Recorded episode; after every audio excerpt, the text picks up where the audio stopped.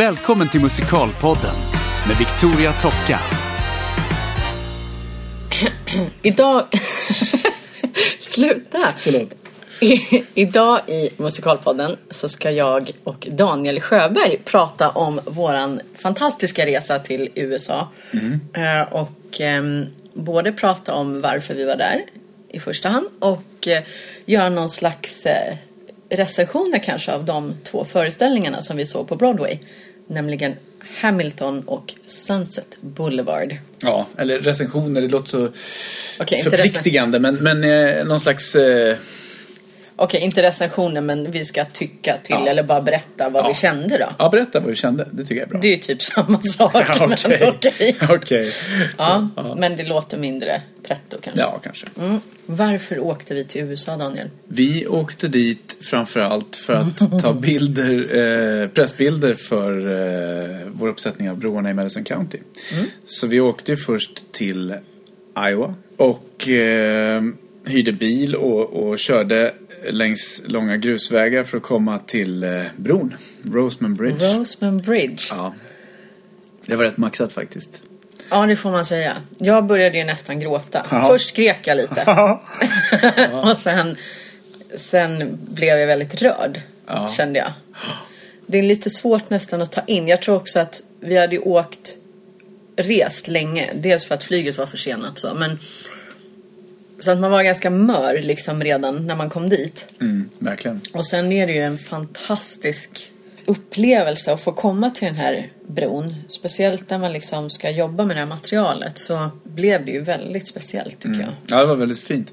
Och den var ju också otroligt fin, bron. Ja. Alltså den låg oländigt till. Eh, ja, men den kändes väldigt bevarad. Det var ju inte turistigt på det sättet. Liksom, utan Nej. Eftersom den ligger så, så långt ut i ingenstans så... Det är klart det var lite andra människor där men det, var, det kändes ändå som att vi, vi fick ha den för oss själva eh, där på Ja, verkligen. Den har ju så stort liksom, filmhistoriskt värde också, tycker jag. I och verkligen. med den här filmen. Men för oss naturligtvis musikalanknytningen. Ja, men den har, jag vet inte vad jag ska säga. Jag blir lite så här...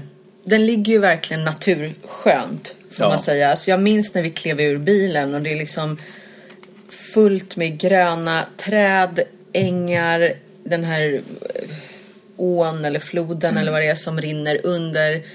Fågelkvitter, solsken, alltså det var ju helt magiskt. Ja, verkligen. Och det var ju så här som det kan vara när man är på landsbygden i Sverige också. Det var liksom inga ljud. Ingenting. Det var ju bara de här fåglarna Mm. och naturen. Det fanns ju inga billjud. Det fanns inga ljud av människor. Och det bidrog ju också till, till den lite drömska känslan som var där faktiskt. Mm. Och sen hade vi ju såklart byggt upp massa förväntningar kring det också. Så det bidrog ju också såklart. Men, men eh, nej, det var, det var häftigt. Det var det verkligen. Ja, det var jättekul. Eh, och eh, vi var ju bara där i ett dygn, om ens det. Mm, knappt. Eh, knappt, ja precis. Och eh, han får med oss jättefina pressbilder från bron och lite film och om inte annat också fantastiskt fina minnen och bra saker att ha med sig in i föreställningen, tänker jag. Ja, verkligen. Så det var ju ett utav huvudskälen till den här resan överhuvudtaget. Ja. Men sen så byggde vi på den med några dagar i New York också. Där vi också tog lite pressbilder och grejade. Men det som kanske blir mest intressant för de som lyssnar på Musikalpodden nu är väl eh, de här två föreställningarna vi såg i New York. Ja, det var ju helt fantastiskt att du bok, hade fått tag i biljetter till Hamilton och, eh, och Sunset Boulevard som ju var de föreställningarna vi såg. Men så bokade exakt. du ju också biljett till Hamilton för ett år sedan ungefär. Ja, nästan. Mm. Så, Så att det- jag visste att jag skulle till USA Ja. nu i vilket fall. Så det var väl lite det att vi Ja. passade på att liksom, göra det till en jobbresa Mm, också. Eh, ja, men jag har ju varit nyfiken på Hamilton länge. Mm. Mest därför att folk har pratat så fruktansvärt mycket om Hamilton. Mm. Ja, samma här. Verkligen alltså. Men jag kan inte säga att jag har haft någon direkt koll. Jag har inte lyssnat in mig på musiken nämnvärt innan vi åkte. Jag hade inte läst in mig på historien. Vilket kanske lite i efterhand var lite dumt. Ja, det, det, det var vi, det är vi väl båda överens om. För vi, vi kände väl båda två att vi hade inte lyssnat så mycket på materialet och läst in oss på, på historien som du säger. Och kände att ja, men vi låter det vara så och går och ser den. För det kan vara ganska bra och kul att se någonting med helt fräscha ögon. Och i många fall är det nog så. Men just vad gäller Hamilton så kan man ju säga att vi nog borde ha läst på historien lite mer. I alla fall för min egen del kan jag säga det. för att Mm, jag jag kan uppleva att, för den handlar ju om eh, de fem founding fathers, eh, USAs founding fathers. Och eh, specifikt då om Alexander Hamilton som är den minst kända av dem. Och jag tror inte att amerikanerna heller kände till Hamilton jättemycket men de känner ju till the founding fathers och hela det Ja, och sin frigörelsen egen från... historia, Eftersom det är en el- Ja. enormt viktig del av deras historia eftersom Ja. det är hela frigörelsen från, från England och så. Och det där har ju inte jag mer än bara ungefärlig koll på. Nej, men ganska luddigt, Ja, luddigt. måste man ju ändå säga. Oerhört luddigt, det får man faktiskt säga. Ja, jag skäms nästan för att säga att jag hade inte ens någon aning om att George Washington hade varit general i armén. Nej, det hade jag nog faktiskt någon sådär ungefärlig koll på. Ja, skitsnack. Jo men, det, jo, men, det, jag. det, jo, men jag visste att, för jag visste att det- han var, alltså, det var, han var viktig i den processen. Ja, men Och- du och då- visste att han var viktig i processen, men visste du att han var general i armén? Det är det jag frågar nu. Du ställer mig så hårt mot väggen. Ja, det gör jag. Okej, okej, okej. Exakt, så försök inte påstå att du visste det innan. Nej, Nej jag, jag, alltså. jag visste att han var Amerikas första president. Ja, det visste väl Ja, jag också. ja, okej. Men jag visste ju inte att han var general i armén och att Jag- det var därför han blev president. Jag kanske Så- snyggade till där i efterhand. exakt. det, det, så kan det mycket väl vara. Ja, men ni hör vill ju, bara- det, det, det är lite där som är problemet. För att vi, vi hade ju inte riktigt koll på det. Och grejen med Hamilton är, det var ju en fantastisk föreställning. Ja. Helt makalös faktiskt, måste man säga. Men mycket av föreställningen är ju rap. Och eh, också en ganska speciell form av rap eftersom det är Lin-Manuel Mirandas sätt att rappa på som jag uppfattar det. Alltså Ja. att han, och det, han har en väldigt egen, ett eget sätt att göra det på som jag, jag är ingen konnässör inom rap på något sätt. Men, men jag har ändå lyssnat en hel del på hiphop liksom. Och, och det, det som han gör finns det säkert andra som gör ungefärligt. Men, men eh, det, det är en väldigt egen röst kan man säga. Och eh, det går sjukt snabbt. Och det är mycket information. Och det är mycket som händer. Och jag kan väl säga så här att jag anser ju själv att jag är ganska vass på engelska. Ja, det är du verkligen. Jag har både bott och jobbat i USA länge liksom. Och jag kände, efter första akten så kände jag att jag kanske hade uppfattat i bästa fall 50% av det som hände. Alltså, Ja, och då får jag ju säga att jag eh, då... Jag tycker också att jag är ganska bra på engelska, inte riktigt på din nivå, men jag hade kanske uppfattat 35-40. ja. Det skäms för att säga det, men det var Men verkligen så var det. Och, Och- då satt jag ändå verkligen, och du vet, på tå i princip. Sjukt mycket och Ja. ansträngde mig. Ja, och samtidigt så kändes det som att man hade blivit helt överkörd av någon stor slags lastbil Ja, efter första Ja. akten. För jag var helt slut liksom av Ja, ja. intryck och eh, Alltså musiken är ju fantastisk. Alltså så här, artisterna. Jag har aldrig sett en föreställning där nivån är så extremt hög över hela castet. Jag kan verkligen bara hålla med. Det var insane, tycker jag. Det som var så fantastiskt också, för man brukar ju säga att när en föreställning har gått ett halvår eller ett år så, så börjar det liksom mattas av och det, det är liksom inte riktigt samma lyster. Folk kliver inte Mm. in och med passion och verkligen levererar eh, på den nivån som de gjorde i början kanske. Här känns det som att det hade kunnat vara premiär för två veckor sedan. Ja. Alltså det var en sån enorm spelglädje och en sån enorm lust och vilja till kommunikation och förmed, att förmedla det som, som var mm, liksom, pjäsen och, och musikalen. Så att man, man blev helt... Ja, det var Helt knockad ja, faktiskt. Knockad. Det får man säga. Och jag tycker att eh, alltså en sak som vi också diskuterade efteråt var just hur väl de hade använt hela ensemblen. Det är Mm. ju verkligen en ensembleföreställning. De är med hela tiden. Sjukt tight stämsång. Ja. Hela tiden. De Ja. är med hela tiden. Och koreografin och, och hur de hade löst staging, koreografi. Hur, alltså jag har nog aldrig heller upplevt att en musikal flyter så sömlöst hela vägen. Att det liksom bara går i varandra. Du liksom känner nästan inte av scenbytena Nej. alls. Ja, man kan väl säga det också att scenografiskt så är det ju eh, väldigt enkelt på sätt och vis. Mm. Inga stora åthävor på något sätt. Utan eh, Men det är ju en basscenografi och det är den de använder Ja, hela, hela tiden. pjäsen. sen ja. är det ju en väldigt, väldigt eh, häftig ljussättning. Ja. Som ju inte i och för sig är avancerad på det sättet att det händer jättemycket hela tiden. Men den skapar rum på ett otroligt fint sätt. Och, och det jobbar de ju jättemycket med. Så att ljuset är ju liksom en viktig del i scenografin kan man säga. Och sen också som du säger, ensemblen. För att de skapar också rum eh, genom att liksom jobba med formationer och diagonaler och alltså jättehäftiga, eh, rumsliga eh, saker. Så inte bara liksom rent dansmässigt, koreografimässigt på det sättet var det häftigt. För det var det ju också. Alltså det var ju en koreografi som var något helt eget. Eh, Det var verkligen också ett personligt uttryck i det. Jätte, jättehäftigt. Men också hur de skapade rum med, eh, med ensemblen. Ja, det var väldigt smakfullt och vackert gjort och, och s- väldigt speciellt. Och vi har ju båda en favoritscen i första akten. Eh, som, jag vet inte hur man ens ska förklara den. Ska vi försöka ge oss på det? Eh, Ja, alltså...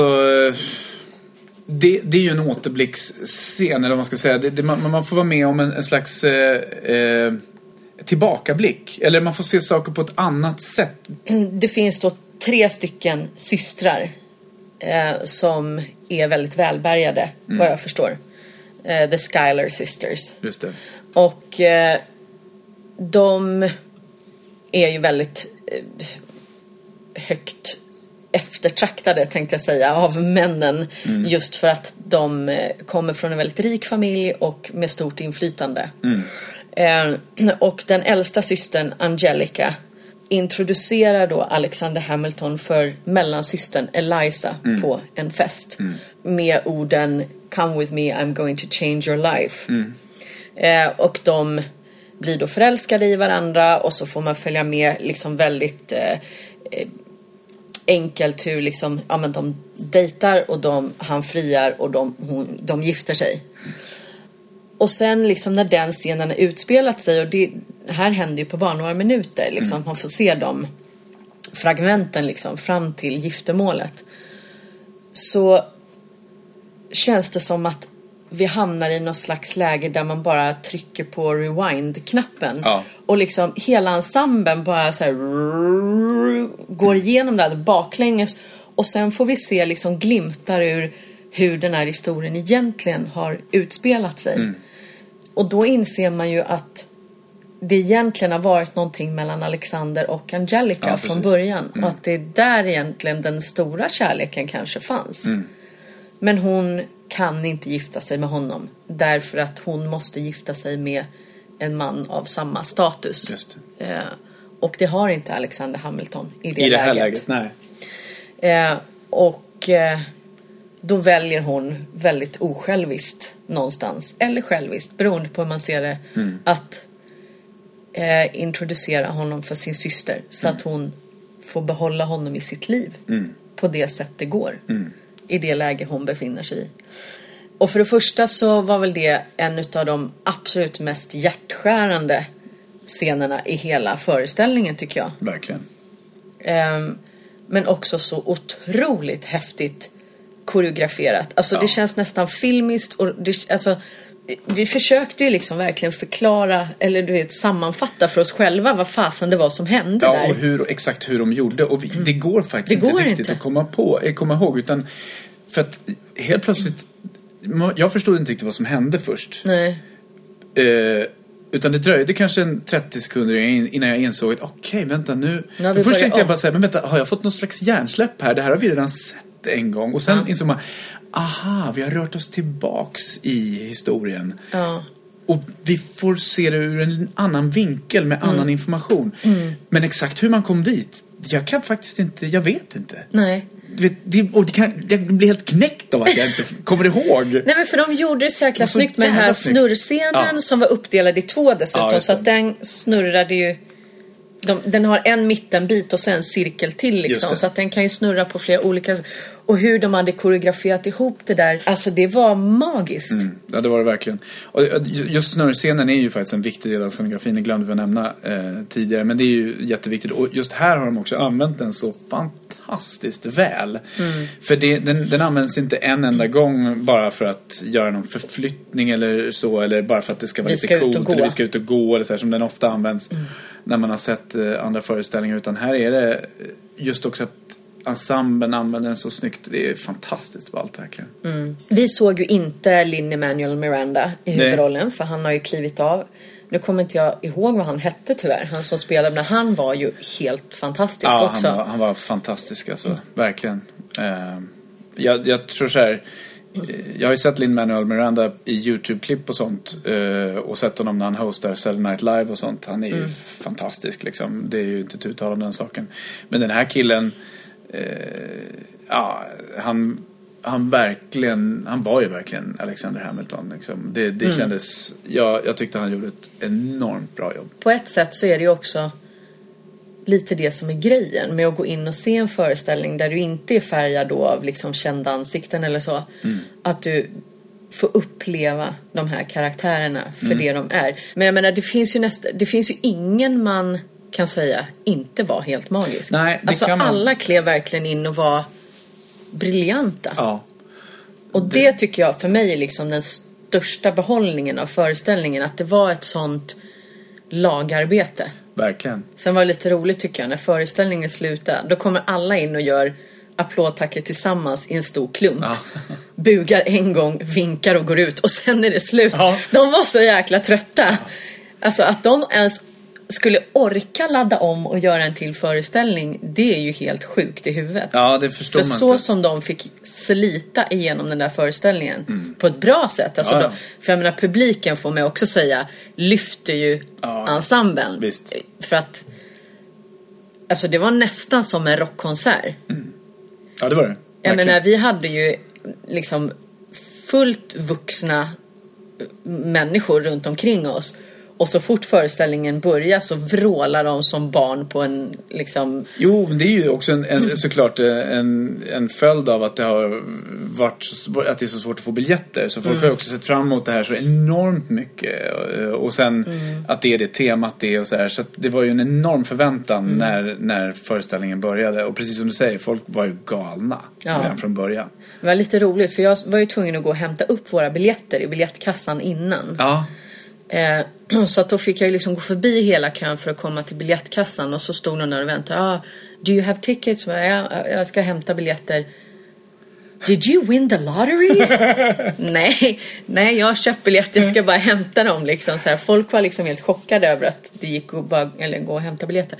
Eh, men eh, det- för att det är ju inte lätt Nej. att få ta på biljetter till Hamilton. Nej, men det var en kö till eventuellt återlämnade biljetter som var det längsta jag någonsin har sett. Ja. Det var sjukt. Men att man ens ställer sig i den kön när den går runt kvarteret det är Nej. kanske lite väl Den går över- verkligen runt kvarteret. ja. Eller så här, nu, nu, liksom om två personer lämnar tillbaka biljetter. Ingen kommer göra det, men om de gör det. Du som står längst bak i den här kön kommer inte Nej. komma in. Nej. Eh, nej, men eh, vad, vad ger vi Hamilton? Jag vet inte. Ja, alltså det är ju... Vad är våran skala? Ja, ja, jag vet inte ens att jag stod och tänkte på det. Eh, Vad är skalan och vad... ja, ja, Är det vinglas vi... nej, men inte. Eh, broar kanske. Ja, i broar Ja, kan får vi. Eh, nej, den får ju fem av fem broar. Det Fem av fem ja, broar. det, det får den faktiskt. Ja, det, fem det var, av fem broar får den Ja. av oss. För den var, den var riktigt, riktigt häftig. Jag är sugen på att se den igen i London. Nu ska ju, eh, när den går upp i London så ska ju Lin-Manuel Miranda återigen spela Alexander Hamilton. Ja. Och det vore ju häftigt. Men, men egentligen vore det häftigt att se den igen Framförallt för att För- man för har hela- säkert missat Ja. så sjukt Ja, mycket men det det jag grejer. menar. Jag, Ja. Om jag missade liksom 65 procent så nästa gång kanske jag bara missar 35 procent. För jag är helt säker på att jag aldrig kommer att kunna uppfatta allt. För det Nej. går så sjukt snabbt. Ja. Men, men det vore verkligen roligt att se den igen. Jag Så det, det, det, det ska jag nog försöka få till faktiskt. Och det är ju om inte annat, det, eh, det säger någonting om att 5 av 5 verkligen inte är någon överdrift. För att, ja, Det är inte superofta man är sugen på att se en föreställning, en exakt samma föreställning en gång till. För den här kommer ju vara exakt samma föreställning som den som går på, som på Broadway. Men eh, det känner man det känner Helt, verkligen. helt klart värt att se av många anledningar. Och en av de största för mig är ju bara det här nyskapandet och användandet av eh, Alltså jag kan nästan jämföra lite grann med en annan pjäs som jag fick ta på biljetter till som inte går att få ta på biljetter till. Nämligen Harry Potter and the Cursed Child som jag var och såg. som jag var och såg i London. Eh, där jag också hade sjukt höga förväntningar. För att jag hade hört så mycket bra om det. Eh, och såg det och var liksom helt knockad efteråt. Och det som var fint om jag ska göra en jämförelse utan att gå in på liksom allt för mycket när det gäller Harry Potter-pjäsen så var det just eh, användandet av gammal teatermagi fast på ett väldigt nytt och innovativt sätt som gjorde att det blev helt fantastiskt att titta på. För man kan ju gärna tro att när eh, jag menar, eh, Hamilton hade säkert de förutsättningarna från början för att det kanske inte fanns hur mycket ekonomi som helst i det projektet. Så att de var tvungna att jobba med nytänk eh, på ett sätt. Eh, Harry Potter kom ju in liksom med J.K. Rowling i ryggen som har hur mycket pengar som helst. Men att de ändå hade valt att jobba med liksom gammal teatermagi fast liksom omsatt det i, i, på ett nytt sätt. Liksom, det var för mig eh, det är bland det bästa jag har sett på en scen någonsin faktiskt. Men jag, jag tänker på det nu för att liksom hoppa tillbaks till Hamilton igen och även då på sätt och vis kanske Harry Potter. Men just att eh, för man tänker, jag tänker ofta att när, när det ska upp eh, musikaler på Broadway och West End så måste de vara spektakulära för annars får de inte publik. Eh, eh, och, och man vill ju liksom verkligen få en stor upplevelse när man betalar så mycket för biljetterna och man liksom beställer dem långt i förväg och så här. Men jag tyckte just Hamilton, den var ett, ett bra bevis på att, man, att en stor upplevelse inte nödvändigtvis behöver betyda massa teknik och flashiga ljusshower. Eh, Visserligen sa jag då att det var en, en avancerad ljussättning men den, den var mer ändå i en slags old school eh, teknik och, och hela... Ja men det var ju inte en massa blinkande Nej, lampor och tusen grejer Exakt. så liksom. Utan, och, och, så det är lite häftigt att se att de sakerna som verkligen, verkligen går bra på både West End och, Broadway just nu är föreställningar som, som du säger, använder sig av en gammeldags teatermagi och en, en, en kommunikation med sin publik på ett sätt som är att det är det primära. Eh, inte att det ska vara spektakulärt eh, med hydrauliska scener och hej och hå vad det kan vara liksom. Nej precis. Och det, det, blir man, det blir jag väldigt glad för faktiskt. För jag känner att det är ju det som är eh, stora scenupplevelser. Att man verkligen får se människor som kommunicerar med sin publik, att det händer här och nu. Att det är det mänskliga mötet som är det stora. Och sen kan det absolut vara spektakulärt och så också. Men, men det, det är grunden. Liksom. Har man inte det, då kan det vara hur spektakulärt som helst. Det kommer inte funka ändå. Och det har vi sett exempel på med Titanic och, och Ja, Spiderman och sådär. Som de har försökt få upp på Broadway. Ja. Och som ju inte har funkat. Så det var häftigt. Om vi ändå ska prata om gammaldags teatermagi. Ja. Så var vi faktiskt sen och såg Sunset Boulevard med Glenn Close. ja. Alltså, vad ska man säga? Det, vi hade ju sett Hamilton dagen innan och var ju, det var ju fantastiskt. Alltså, det var ju en stor upplevelse. Och eh, till skillnad från Hamilton så har jag lyssnat väldigt mycket på Sunset Boulevard. Mm, det hör jag också. Och jag har också sett den när den gick förra vändan för vad det nu är, 20 år Ja, sedan. jag såg den också. Så att där har man ju en, eh, både förväntningar naturligtvis eh, och eh, mer kunskap Mm. om, eh, om föreställningen. Vill du dra lite kort om vad Sunset Boulevard handlar om för de som kanske inte vet det? Ja, för de som inte vet så står det så här på Wikipedia. Sunset Boulevard Musikal av Andrew Lloyd Webber med text av Don Black och Christopher Hampton. Den bygger på filmen med samma namn från 1950 i regi av Billy Wilder och med Gloria Swanson i huvudrollen. Musikalen handlar om en slocknad stjärna från stum, stumfilmstiden, Norma Desmond, som lever på sina minnen i sitt hus vid Sunset Boulevard i Hollywood och drömmer om en stor comeback. Ja, och det Och- är väl egentligen det man Ja. behöver säga för att och liksom Men det man kan med. säga är ju att det är ju inte ett hus hon bor i, det är ju en mansion. Alltså, det som är, lite häftigt är att hon var ju verkligen en av de absolut största stjärnorna under stumfilmstiden då i den här historien. Så att hon, hon är ju enormt rik fortfarande. Ja. Men, men bortglömd, för att i och med talfilmen så, så blev hon avpoliterad. Ja. Hon har inte jobbat sen, sen det blev talfilm. Liksom. Nej, exakt. Och eh, den man får följa eh, till stor del, förutom Norma Desmond som då spelades av Glenn Close, eh, är ju Joe Gillis som är en ganska ung manusförfattare som vill breaka i Hollywood och det har inte gått speciellt bra. Han bor väldigt dåligt till och sliter för inga pengar och får inga jobb och det går inte så himla bra. Nej. Och i början av musikalen så är det snubbar efter honom som ska ta hans bil. Ja, för han har inte betalat sina... Precis. Och för lån. alla som någon gång har varit i Los Angeles så inser man att, att eh, förlora sin bil det är liksom Alltså det går inte för då kan du verkligen inte göra någonting sen. Du tar dig ingenstans och du kan inte jobba. Så att det är en väldigt, väldigt stor kris för honom helt enkelt. Och så i den här biljakten så eh, råkar han då komma in på hennes uppfart och gömma bilen någonstans hos henne. Och det är så de träffar på Träffas. varandra Mm. första gången. Precis. Eh, och jag kan väl säga så här. Vi, för det första hade vi ju helt fantastiska platser. Vi satt på tredje raden i mitten på parkett. ja. Vi hade kunnat sträcka ut armen och peta på Glenn Close. Ja, Så kändes det. Ja. ja, men det var ju typ så. Ja. Ehm, och eh, föreställningen börjar med eh, att den yttre ridån går upp. Mm. Och då är det någon slags jättestor Filmduk. Film. Halvtransparent. liksom. halvtransparent filmduk längst fram. Ouvertyren börjar spelas och du ser hela orkestern på scenen. Mm. Det är också- Samtidigt som det börjar fladdra så här svartvit gammal Hollywoodfilm på den här skärmen. Alltså jag börjar ju lipa. Jag tror, jag vet inte om det hann gå två takter innan tårarna Ja, kom ju- första gången. Det gjorde jag också och jag blev så förvånad. Mm. För att jag var inte alls beredd på min egen reaktion. Nej. För att eh, nej, det, det var helt enormt faktiskt. Och det, det ska man också säga om orkestern. Det är ju en, den största orkester de har haft på Broadway på Ja. jag vet inte hur många år.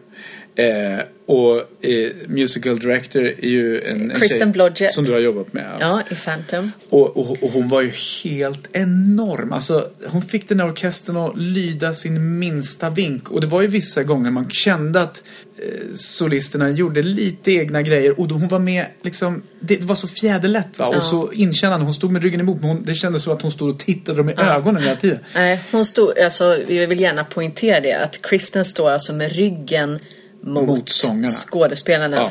För orkestern sitter så att säga i den bakre delen av scenen Ja. men på scenen. Ja. Så att du ser orkestern hela tiden och dirigenten blir ju en otroligt spännande eh, faktor liksom i, i ja, det här. Nej, det var enormt. Jag, det, det var, det var, jag satt och, alltså det var inte så att jag liksom satt och snygggrät lite i början. Nej, Utan nej. Det, det, det brast för mig. Det var, och som sagt, helt Ja, men, och det var ju inte en gång Nej, heller. nej, nej, det var det verkligen under inte. föreställningen. För sen var det inte mer med det. Sen satte det igång och så. Men och här vill jag också bara, apropå det här med väldigt snygga scenlösningar och det här med enkel scenografi.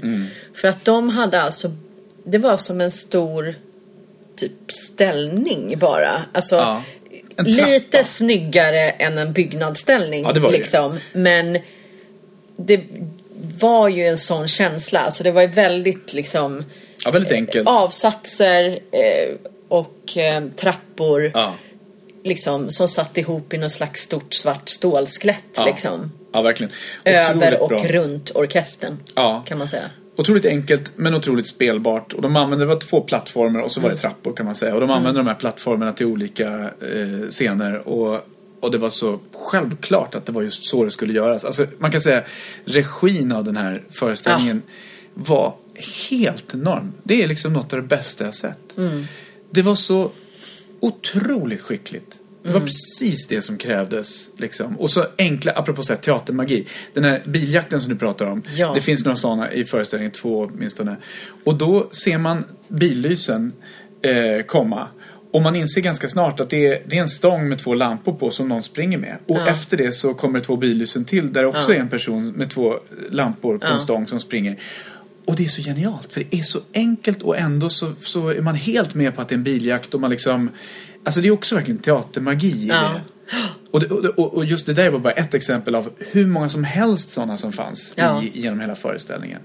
Sen kanske vi ska ta upp det här när Glenn Close då kommer till eh, With One Look som är liksom den största låten i första akten. Och hon påbörjar ju den här sången och det, där ska jag också säga att Joe Gillis spelades av en understudy när vi var där. Ja. Som var helt magisk också. Alltså, det ju- vi det var hade inte kunnat, hade vi inte läst det så hade jag aldrig reagerat på att det var Nej, nej, nej. En understudy. finns inte en chans. Han var, nu är det så tråkigt att vi inte vet vad han heter, men, men det var helt enormt. Mm. Han, var, han var verkligen ruskigt bra. Ja, det var han. Enda gångerna jag kanske möjligen kunde se att han kanske var en understudy var bland annat i With One Look. Där han står då väldigt långt åt sidan på scenen. Eh, för jag menar man är ju ändå rikt, har ju fokus på Glenn Close. Men jag passade på att kika på honom några gånger och man ser hur han bara står och lyser.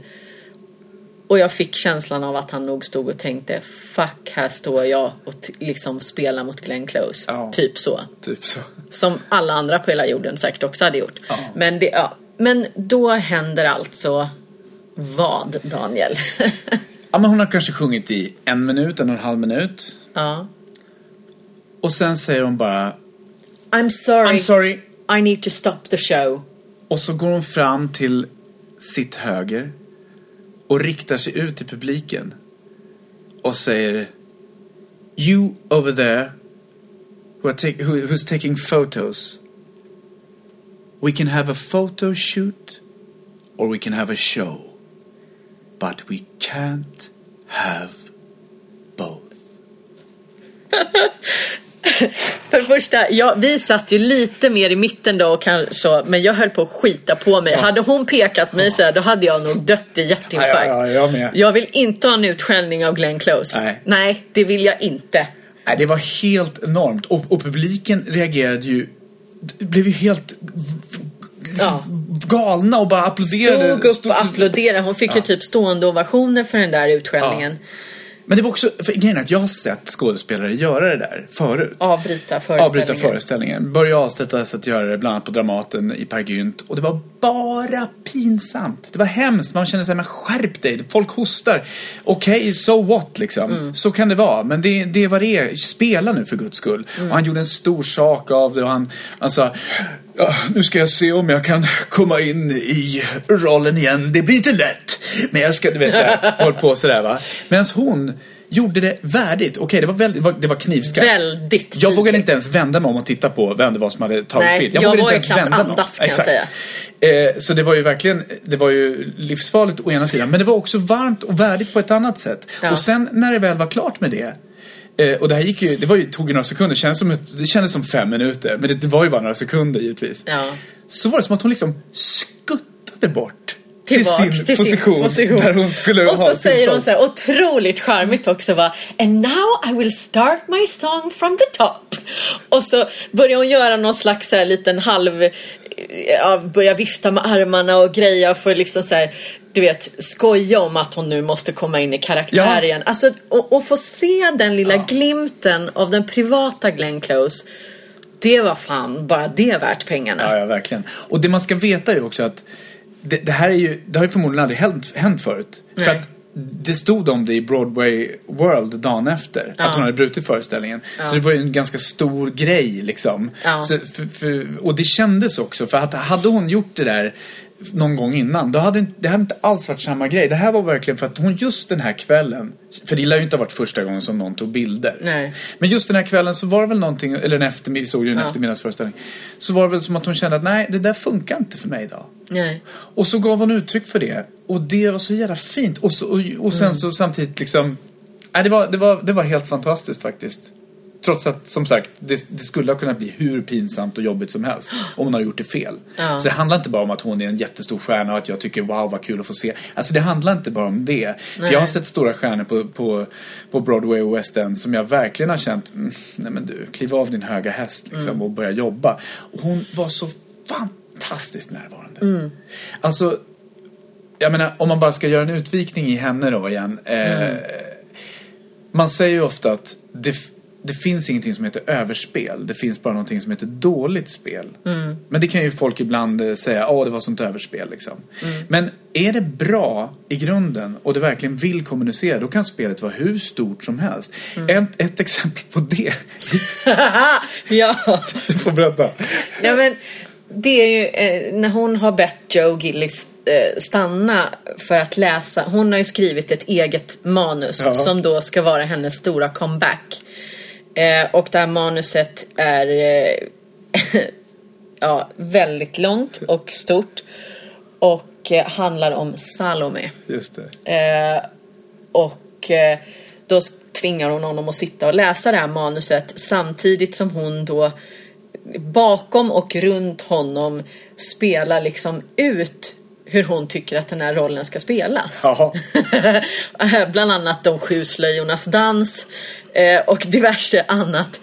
Som är bland det roligaste jag har sett på en scen Ja, också tror jag. För det var helt jag vet inte riktigt hur jag ska förklara men hon springer, för det första ser hon ju, ja, men hon var bara så rolig, hon springer omkring och liksom så här, lever sig in som någon slags så här, galen stumfilmsstjärna med så extremt stora uttryck och så runt honom med armarna och viftar och dansar runt och, ja, men, och så ställer han frågan bara, ursäkta men hur gammal är Salome egentligen? 16! Och hon är liksom helt inne i att hon som är 70 år, det är inga, inga problem, hon kan absolut spela det. Ja. Nej men alltså, det Ja, var fantastiskt. Ja, det var väldigt, det var väldigt, väldigt roligt alltså. och, och, och på pappret så känner man sig nej, nej, det där, det där går inte. Det där, det där, för det där ställer ut karaktären, hade man kunnat tänka på pappret. Ja. Och är det någonting som jag hatar när jag går på, på teater eller musikal så är det när, när skådespelare spelar såna där karaktärer, ställer ut sina karaktärer, titta vad knäpp hon eller han är. Men det gjorde hon inte för att hon gjorde det här med, på fullaste allvar med glädje. För att som, Ja. som du säger, hon, hon ville bara visa var- jag kan vara 16 och, och göra allt det här. Det kan bli super, det är så här och det är stort. Och, Ja, det, kan var- bli fantastiskt. Eh, men, och grejen var den att en sak som jag också måste säga om just den här uppsättningen av Sunset Boulevard är att när jag såg den för 20 år sedan jag har aldrig sett den med Glenn Close tidigare men då upplevde jag det som att eh, Joe Gillis var mycket mer ett offer och mycket mer en liksom good guy som råkar dras in i det här och det är synd om honom och hon är en ganska manipulativ stark, kall kvinna och, och i den här, alltså du vet jag får rysningar på hela armen nu, men i den här föreställningen så, alltså du var med Norma Desmond i vartenda ögonblick och du förstod hennes galna, eh, ja men alltså det, man, var liksom, hon det var bara hon som var viktig i den här föreställningen. Alltså, det är svårt att förklara men hon var verkligen spektakulärt bra.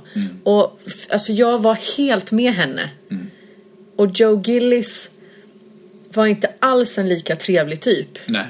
i den här för, liksom, versionen av föreställningen. Nej, han var mycket mer beräknande. Ja. Han insåg att om han inte lyckas med någonting, om inte han får mm, ett betalt jobb eh, så kommer han vara tvungen att åka tillbaka till eh, Ohio eller var det nu var han kommer ifrån liksom, och börja Ja. skriva för lokaltidningen. Så han, han försökte spela det där på ett sätt. Han använde henne. Ja. För det är precis som du säger, så tidigare när jag har sett föreställningen så har jag känt också att hon har använt honom och manipulerat Mer, honom. ja. Och så.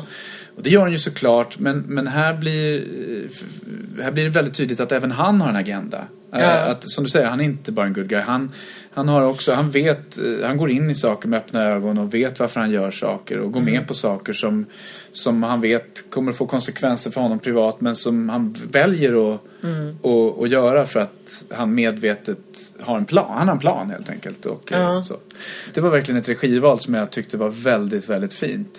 Sen eh, så så ser man att hon också manipulerar och så. Men, men man, man ömmar ju för henne verkligen. Ja. På ett annat sätt än vad man har gjort tidigare kan jag känna. För då har, då har hon kunnat bli nästan monstruös. Och det är ju också spännande på sitt sätt. Men, men det här var något nytt och jättefint tyckte jag. Ja. För det blev mycket mer mänskligt, det blev mycket mer begripligt. Ja. Hon precis. blev inte bara... Eh, Och ja. apropå det, så ett annat otroligt snyggt regival. Kan inte du berätta om det? Med hennes unga jag. Ja, det var ju För också det var ju väldigt, väldigt Ja. fint alltså. ja, det var jättefint. I någon scen, jag kommer inte ihåg vilken faktiskt, så, så dyker upp en kvinnokaraktär som står på en av eh, de här eh, plattformarna. I ett blåaktigt ljus.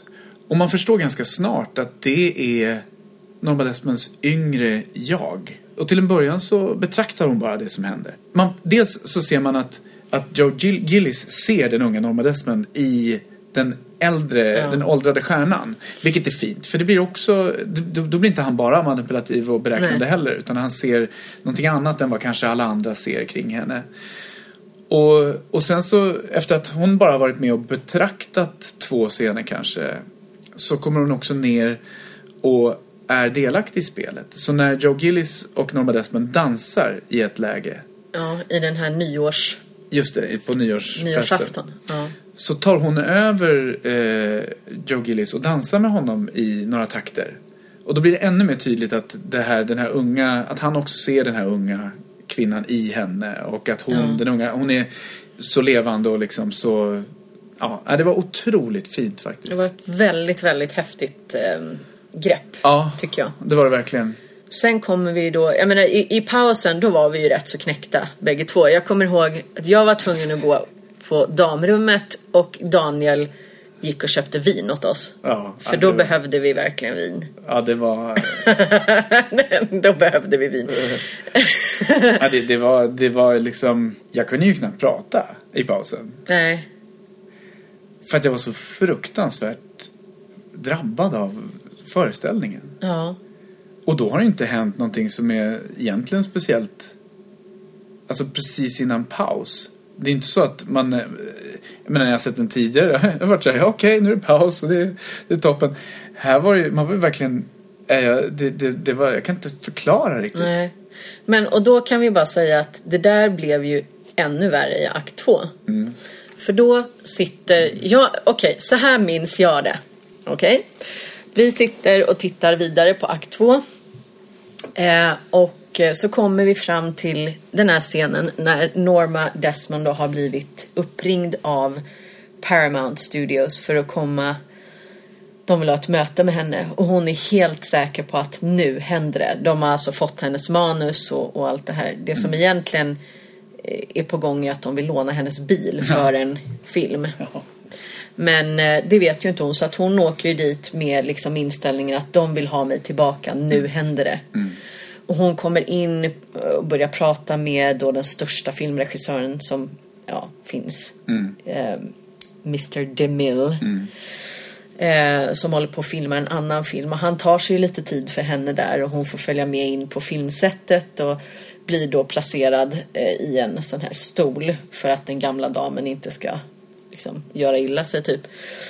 Och då är det någon ljussättare eh, som står uppe i- på en av balkongerna. Mm. En av de In- kungalogerna. Ja, kungalogerna på te, alltså, teatern där vi sitter Ja. och ser föreställningen.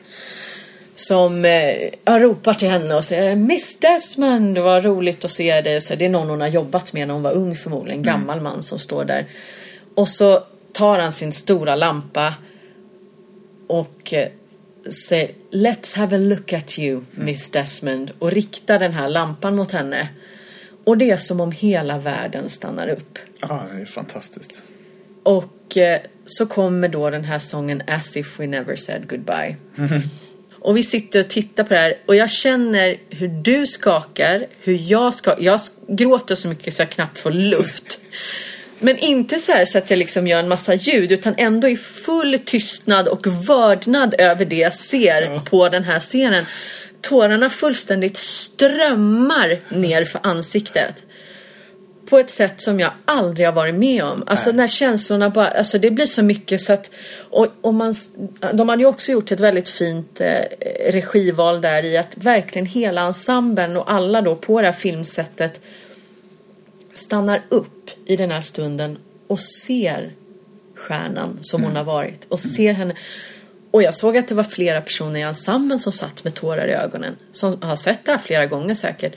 Men alltså det var en av de absolut starkaste upplevelser jag har haft i hela mitt liv. Ja, det var, det var helt enormt faktiskt.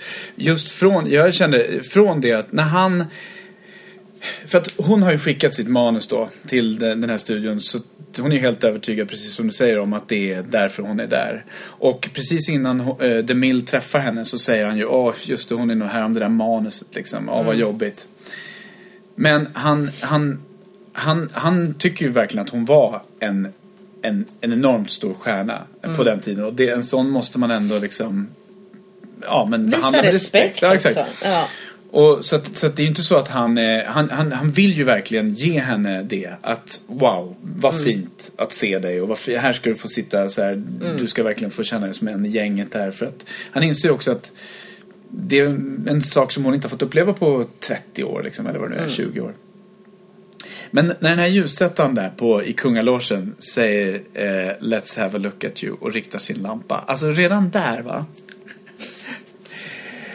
Redan där bara brister det för mig. För det, det är någonstans, det, det är liksom Det är så vackert, det är så fantastiskt och som du säger, allting bara stannar upp. Alla bara stannar upp och jag, jag, jag menar precis som du säger, jag, jag, jag gråter så ohämmat. Fast också så tyst. för att, för att jag vill inte, jag vill inte ta plats med, nej, och jag vill inte ta plats med mina egna känslor. Här är bara fokus på det här fantastiska som händer där uppe på scenen.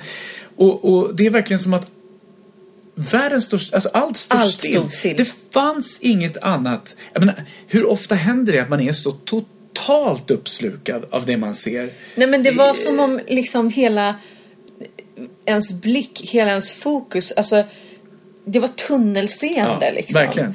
Jag såg typ bara det jag kunde se mellan alla tårar och grinet som rann ner för mitt ansikte. Liksom så var det som att den här liksom att tunnelseende och fokus, att det, det fanns bara Glenn Close eller Norma Desmond. Ja. Det var det enda som existerade Ja. i hela universum. Den, de fem minuterna eller vad Ja. det var. Alltså det var det... Det går inte att sätta ord på. Nej. Och det, det, det känns nästan fånigt nu när man pratar om det. För det känns som att det kan inte ha varit så stort. Men det var ju det. Det var, ju- det var liksom... Och det är ju därför som det... Det är ju därför det är så fantastiskt med teater och musikal. Alltså musikteater, vad man nu vill kalla det. När, när de här sakerna inträffar, även om det bara är en gång vart femtonde år liksom. Då är det ju värt det är värt alla de andra uppsättningarna som, är, som, man, som man ser under den här perioden som är allt på en skala allt ifrån nästan outhärdliga till bra liksom. Men den här Ja. nivån är ju väldigt, väldigt, väldigt så här, alltså det, det händer ju knappt att man får vara med om, men det, det, det händer ju väldigt, väldigt sällan i alla fall. Det händer ju väldigt, väldigt sällan att man får med om det här på den här nivån. Men det är ju så fantastiskt Ja, ja men alltså, ja. att få vara det. Och jag minns också när, när föreställningen var över. För det första att se henne. Alltså jag vet inte hur många gånger hon kom in för applåder. Vi stod ju upp och klappade. Alltså jag vet inte hur länge. Och det var väl en av de få gånger i mitt liv där jag verkligen också kände att det är såna här gånger man verkligen ska stå upp Ja. och applådera. Ja. Och se glädjen i henne. Och liksom hur mycket det betydde för henne och hur roligt hon tyckte det var. Och hur alltså det var ju fantastiskt.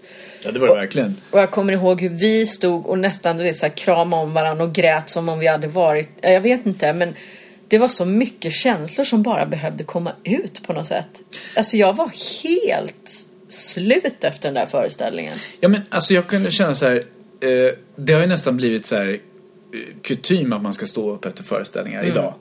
Så var det inte för några år sedan men, men under den här föreställningen så kände jag, jag kände att jag ville resa mig upp och ge en stående ovation mitt i föreställningen. Ja, ja. Det, det, det har jag aldrig varit med om. Jag brukar inte ens känna att jag vill ställa mig upp för att jag känner att det nästan förväntas av en eller Ja. sådär numera.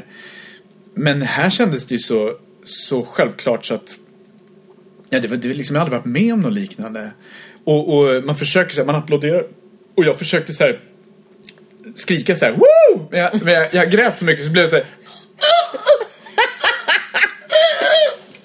Jag tror inte ens det kom inte ens några ljud. Knappt. Jag känner inte igen det där ljudet. Nej, nej, nej det, var, det var i alla fall Det var, ja, det var, det var en- alltså en sån här upplevelse som man verkligen känner att ja. att Man är så otroligt glad eh, över att ha fått vara med om faktiskt. Ja.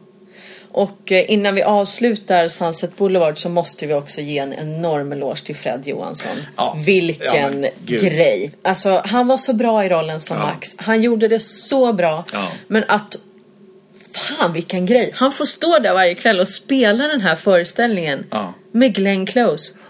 Och, och ändå var han så otroligt bra i sin roll också. Alltså, ja, det är både inte så att... sångligt, Ja. både sångligt Ja. och skådespelarmässigt. Alltså på en nivå som är total världsklass. Ja.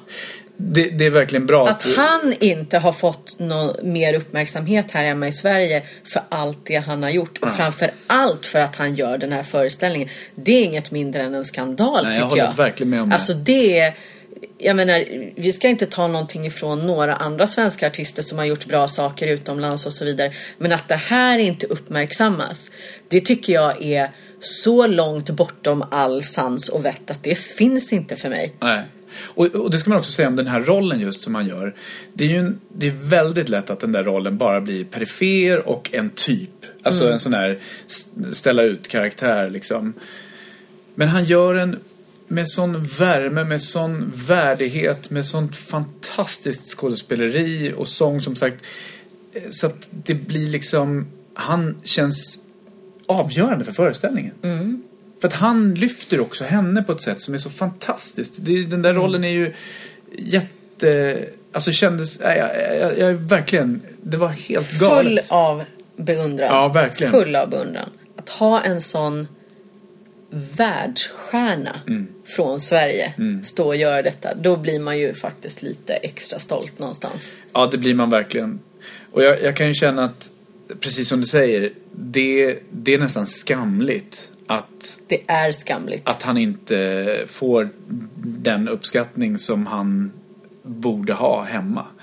Eh, alltså, han borde ju vara med i varenda, han kanske, han kanske väljer bort allt det där. Han kanske inte vill det, jag har ingen aning. Men han borde ju vara med vartenda år i Allsång på Skansen och liksom eh, de här programmen. Så att han, liksom, du vet verkligen. Ja. Och det kanske han har valt bort, det är mycket möjligt. Eh, men jag är lite orolig för att det kan handla om att, att han inte får den, den, den platsen han, han borde ha. Ja, För att han får inte någon plats i folks medvetande då. Jag menar vi i, i vår bransch vet ju mycket väl vem man är och, och har vetat många, många år. men Nej, det var, från det var oss, bravo Fred Johansson. fantastiskt. Så kan vi väl säga. Ja, verkligen. Ja, det, var, det var verkligen eh, jättehäftigt. Alla de tre. Men eh, alltså även ensemblen i, eh, i Sunset var ju jättefin. Alltså Mm. små roller. Eh, det var verkligen en... Det var ju också ett ensemblearbete på många Ja. sätt. Lite grann som Hamilton. är Att, eh, de, de jobbade också otroligt fint ihop för att bära, bära, bära historien. Liksom. Ja, och kändes jätte, jätteviktiga för att det skulle bli det det, det blev. Också för att den var gjord i ganska enkel form, även den här föreställningen. Ja. Det, hur många broar har vi här då att dela ut? Ja, vi har ju... Här måste man ju typ dela ut tio broar. Här får man dubbla broarna. Kan man inte det? Ja, nästan faktiskt. Alltså den är ju... Det, det är ju... eh, Ja men, det är det bästa i sett i musikteaterväg. Utan, utan någon som helst jämförelse. Verkligen. Så visst. Sex av fem broar. Massvis med broar Massor med blir det i alla fall. Ja. Ja, herregud.